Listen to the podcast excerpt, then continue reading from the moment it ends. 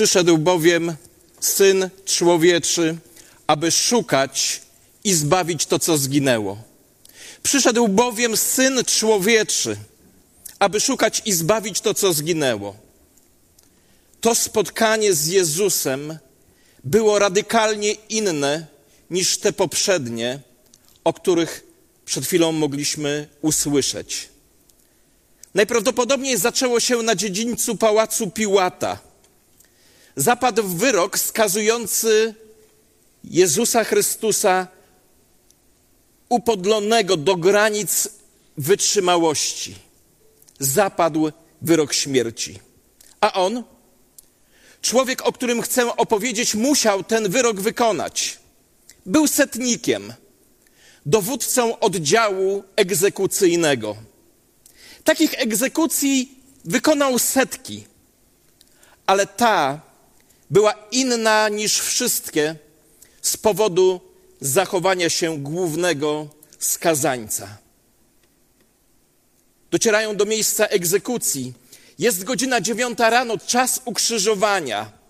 Przerażający krzyk przybilanych ludzi. Oprócz Niego, oprócz Jezusa. Ból, krew, pot, łzy i ten wszędzie obecny w powietrzu zapach śmierci. Ta egzekucja byłaby jak każda inna wykonywana przez setnika. Byłaby, gdyby nie to jedno zdanie prośby ukrzyżowanego Jezusa, prośby skierowanej do Boga. Ojcze, przebacz im. Przebacz im, bo nie wiedzą, co czynią. Setnik jest zaskoczony. Zwykle człowiek cierpiący ból nie modli się o innych, a na pewno nie modli się o sprawców swego bólu, tylko o ulgę dla siebie samego. Chyba. Chyba, że ma świadomość, że ten jego ból jest po to, by ocalić innych.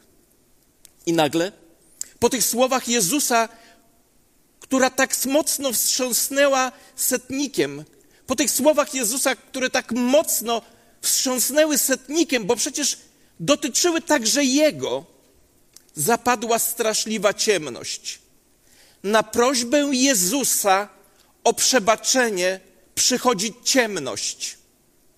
Trzy długie godziny ciemności, podczas których dokonywało się to, o co prosił Boga Jezus przebaczenie. Kilkaset lat wcześniej prorok Izajasz jednym zdaniem tak opisał to wydarzenie. Jahwe, Bóg, włożył na niego nieprawości nas wszystkich. W tej przerażającej ciemności, by przebaczenie stać się mogło możliwym, wszystkimi grzechami, jakie były, są i będą jeszcze popełnione, obciążony został jeden człowiek, a jednocześnie Syn Boży, Jezus Chrystus. Apostoł Piotr wiele lat później powiedział o tym tak. On, Jezus, sam w swoim ciele zaniósł nasze grzechy na krzyż. Trudno opisać słowami ten dramat, który stał się udziałem niewinnego Jezusa Chrystusa. Nie jesteśmy sobie w stanie nawet tego wyobrazić. To, co się wówczas stało w tej ciemności, opisuje najlepiej Jezusowy krzyk rozpaczy z krzyża. Boże mój, Boże mój, czemuś mnie opuścił? Najstraszliwszą konsekwencją grzechu jest oddzielenie od Boga. To straszliwe poczucie winy, samotności, odrzucenia, pustki, braku nadziei i ten lęk przed śmiercią. By przebaczenie w ogóle mogło stać się możliwe, Jezus musiał doświadczyć oddzielenia od Boga z powodu nie swoich grzechów, bo nie miał ani jednego, ale z powodu wszystkich grzechów świata, które na niego zostały złożone. Apostoł Jan tak o tym mówi. On, Jezus, jest przebłaganiem za nasze grzechy, a nie tylko za nasze, lecz za grzechy całego świata. W tej przeraźliwej ciemności, w prze, przeraźliwym oddzieleniu Jezusa od Boga dokonało się coś, co uczyniło możliwym przebaczenie wszystkich setnika, a także moich i także Twoich grzechów, a wraz z przebaczeniem pojednanie z Bogiem. Przez Jezusa Bóg wszystko ze sobą pojednał, czyniąc spokój przez krew Jego krzyża. A potem setnik słyszy to jedno krótkie słowo: Wykonało się. On, setnik, dobrze je rozumie. On wie, że ono znaczy zapłacone. Ofiara została przyjęta, dzieło w pełni zakończone. Jedną ofiarą Jezus uczynił doskonałymi na zawsze tych, którzy są uświęceni. Jedną ofiarą na zawsze. A potem w świadomości wypełnionej misji absolutnego przebaczenia i pojednania nas z Bogiem, Jezus powiedział ostatnie zdanie, które także zabrzmiało w uszach setnika. Ojcze, w Twoje ręce składam mego ducha. Chrystus oddał ducha. Chrystus wydał ostatnie tchnienie. Nikt nie odebrał mu życia. Jezus oddał życie za innych. Setnik nigdy wcześniej nie był świadkiem takiej śmierci. Śmierci otoczonej pięcioma niezwykłymi cudami. Pierwszy cud ciemność i wszystko, co się w niej stało. Drugi cud rozdarta zasłona w świątyni. W tym momencie zasłona świątyni rozerwała się na pół. Żydowska, żydowska świątynia uczyła ludzi trzymać się daleko od Boga. Najmocniej mówiły o tym dwa miejsca, właśnie oddzielone od siebie zasłoną: miejsce święte i miejsce najświętsze. Ta zasłona mówiła: Bóg z powodu Twojego grzechu jest dla Ciebie niedostępny. Rozdarcie zasłony z góry na dół było uczynione przez Boga, który w ten sposób powiedział: Dzięki ofierze mojego syna na nowo, bez obawy, możecie przychodzić do mnie, kiedy chcecie i cieszyć się stałą relacją ze mną, bez względu na narodowość i bagaż przeszłości. Bez względu na narodowość i bagaż przeszłości. Jezus przecież powiedział: Ja jestem drzwiami. Kto wejdzie przeze mnie, wejdzie i wyjdzie i pastwisko znajdzie. Pierwszy cud to ciemność. Drugi cud to rozdarta zasłona. Trzeci niezwykły cud to trzęsienie ziemi. Ziemia się zatrząsła i skały popękały. Trzęsienie ziemi, trzęsienia ziemi nie są dobrą wiadomością, ale to trzęsienie ziemi niosło dobrą wiadomość. Gdy Bóg dawał swoje prawo Mojżeszowi, towarzyszyło temu trzęsienie ziemi. A to prawo mówiło, że zapłatą za grzech jest śmierć. A gdy słuszne wymogi prawa raz na zawsze zostały w ofierze Jezusa, zostały w śmierci Jezusa wypełnione, na znak tego także zatrząsła się ziemia. Nie ma już potępienia dla tych, którzy są w Chrystusie Jezusie. Nie ma już potępienia dla tych, którzy są w Chrystusie Jezusie. Cud pierwszy ciemność, cud drugi rozdarta zasłona, cud trzeci trzęsienie ziemi, cud czwarty otwarcie się grobów w chwili śmierci Jezusa i ukazanie się wierzących zmarłych w dniu zmartwychwstania Jezusa. Grobowce się otworzyły, a wiele ciał świętych, którzy zasnęli, powstało i wyszli z grobów po Jego zmartwychwstaniu. Weszli do miasta świętego i ukazali się wielu. Nie do końca rozumiemy, co tutaj się wydarzyło, ale w dniu śmierci Jezusa otworzyły się groby a zaraz po zmartwychwstaniu Jego, wierzący, którzy byli w tych grobach, ukazali się wielu ludziom. Najpierw Chrystus, potem oni, a także kiedyś w przyszłości i my. Śmierć pokonana.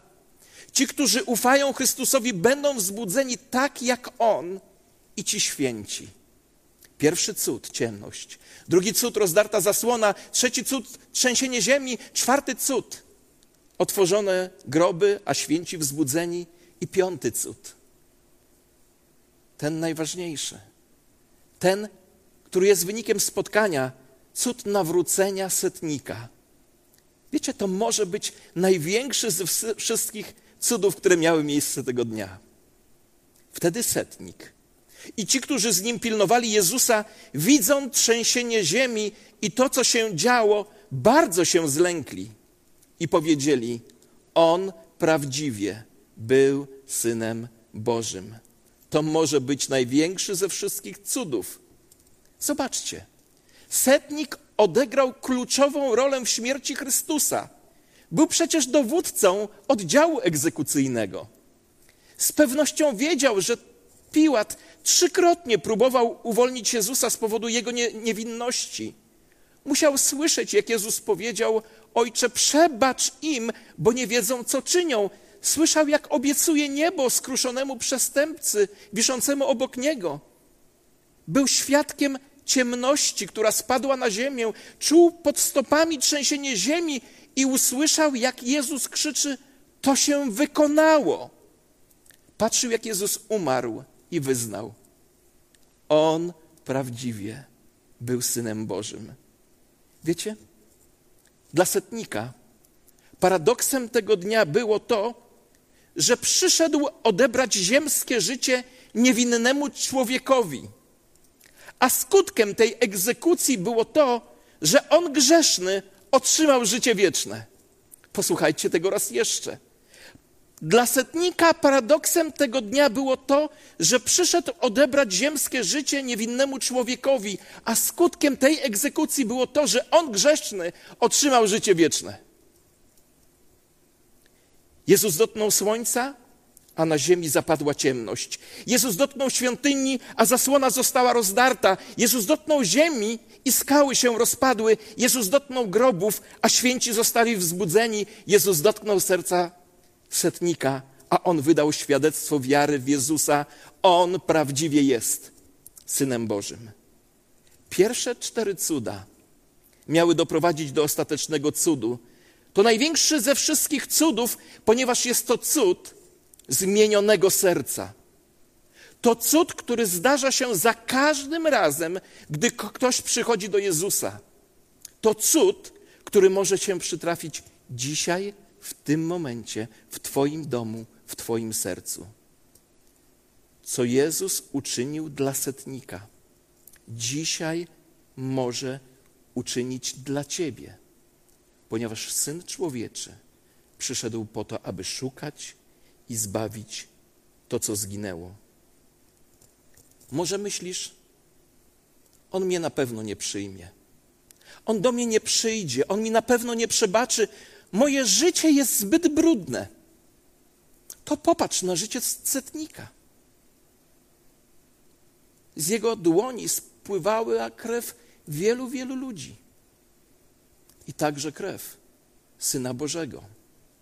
Ale jeśli Ciebie to nie przekonuje, to posłuchaj o jeszcze jednym wydarzeniu, które miało miejsce na chwilę przed ukrzyżowaniem. Przed świętem Paschy Jezus, wiedząc, że nadeszła Jego godzina, aby przeszedł z tego świata do Ojca, umiłowawszy swoich, którzy byli na świecie, umiłował ich aż do końca. A gdy była wieczerza, nalał wody do miednicy i zaczął myć nogi uczniom i wycierając ręcznikiem, który był, którym był przepasany. A potem Potem wziął kielich, złożył dziękczynienie i powiedział: Weźcie i rozdzielcie między siebie. Mówię bowiem, że nie będę pił z owocu winorośli, aż przyjdzie Królestwo Boże. Wziął też chleb, złożył dziękczynienie, połamał i dał im, mówiąc: To jest moje ciało, które jest za was dane. To czyńcie na moją pamiątkę. Podobnie i kielich, gdy było po wieczerzy, mówiąc: Ten kielich to Nowy Testament w mojej krwi, która jest za nas wylana. Czy wiecie, komu Jezus tego pamiętnego wieczoru umył nogi? Z kim spożył wieczerzę? Komu udzielił komunii?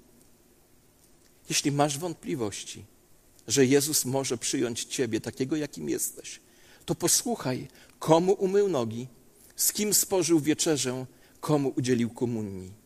Piotrowi, który trzy razy się go zaparł. Trzy razy zaprzeczył, że w ogóle go zna. Judaszowi, który jego i innych okradał, a w końcu go zdradził za trzydzieści srebrników. Udzielił wieczerzy Jakubowi i Janowi, którzy chcieli ogniem zniszczyć ludzi. Umył nogi i udzielił wieczerzy Mateuszowi, kolaborantowi. Dziś miałby teczkę VPN. Umył nogi i udzielił wieczerzy Szymonowi Zelocie, terroryście. Udzielił wieczerzy Tomaszowi, który nie uwierzył, a w dniu aresztowania każdy z nich, kto brał udział w wieczerzy, oprócz Piotra i Jana, zostawili go uciekając. Do takich nas właśnie przyszedł Jezus. Takich nas spotykał po drodze. Za takich właśnie nas w końcu umarł. Dla takich nas zmartwychwstał. I takich z nas do siebie zaprasza, mówiąc: Przyjdźcie do mnie wszyscy, którzy jesteście spracowani i obciążeni, a ja dam wam odpoczynek. Dziś także zaprasza nas wszystkich, którzy w Niego wierzymy, do wspólnej wieczerzy, do wspólnej komunii. Gdziekolwiek jesteśmy, On, biorąc chleb i wino, mówi: To czyńcie na moją pamiątkę. Bez względu na to, gdzie dzisiaj jesteś. Czy jesteś w domu? Czy jesteś może w celi więziennej? A może jesteś gdzieś w pracy i oglądasz to dzisiejsze nasze spotkanie? A może jesteś na dworze? Gdziekolwiek jesteś, Jezus zaprasza Ciebie do wspólnej wieczerzy, mówiąc: To czyńcie na moją pamiątkę. Jeśli macie przed sobą chleb, weźcie do swoich dłoni ten kawałek chleba. Jeśli macie sok z winogron albo wino, weźcie też w swoje ręce kielich. Bo Jezus mówi do nas tak: Ilekroć to czyńcie na moją pamiątkę. A apostoł Paweł dodaje: Ilekroć ten chleb jemy, a z kielicha tego pijemy, śmierć pańską zwiastujemy i mamy to czynić aż do jego powrotu. Wieczerza to rodzinna uroczystość. To uroczystość, na którą zaprasza nas Ojciec Bóg, dzięki temu, że Jego Syn Jezus Chrystus zapłacił za nasze grzechy. I dzisiaj każdego z nas, kto w Niego wierzy, zaprasza do tego stołu. Podzielcie się w swoich domach chlebem. Pochylcie teraz swoje głowy w modlitwie. Będziemy błogosławić chleb i wino. Módlmy się. Boże Ojcze, dziękujemy Tobie za Twojego Syna, Jezusa Chrystusa, naszego Zbawiciela, za to, że On został ukrzyżowany za nasze grzechy. Panie Boże, pobłogosław ten chleb, który symbolizuje umęczone ciało Jezusa Chrystusa. I proszę, pobłogosław każdą osobę, która będzie brała udział w tej pamiątce.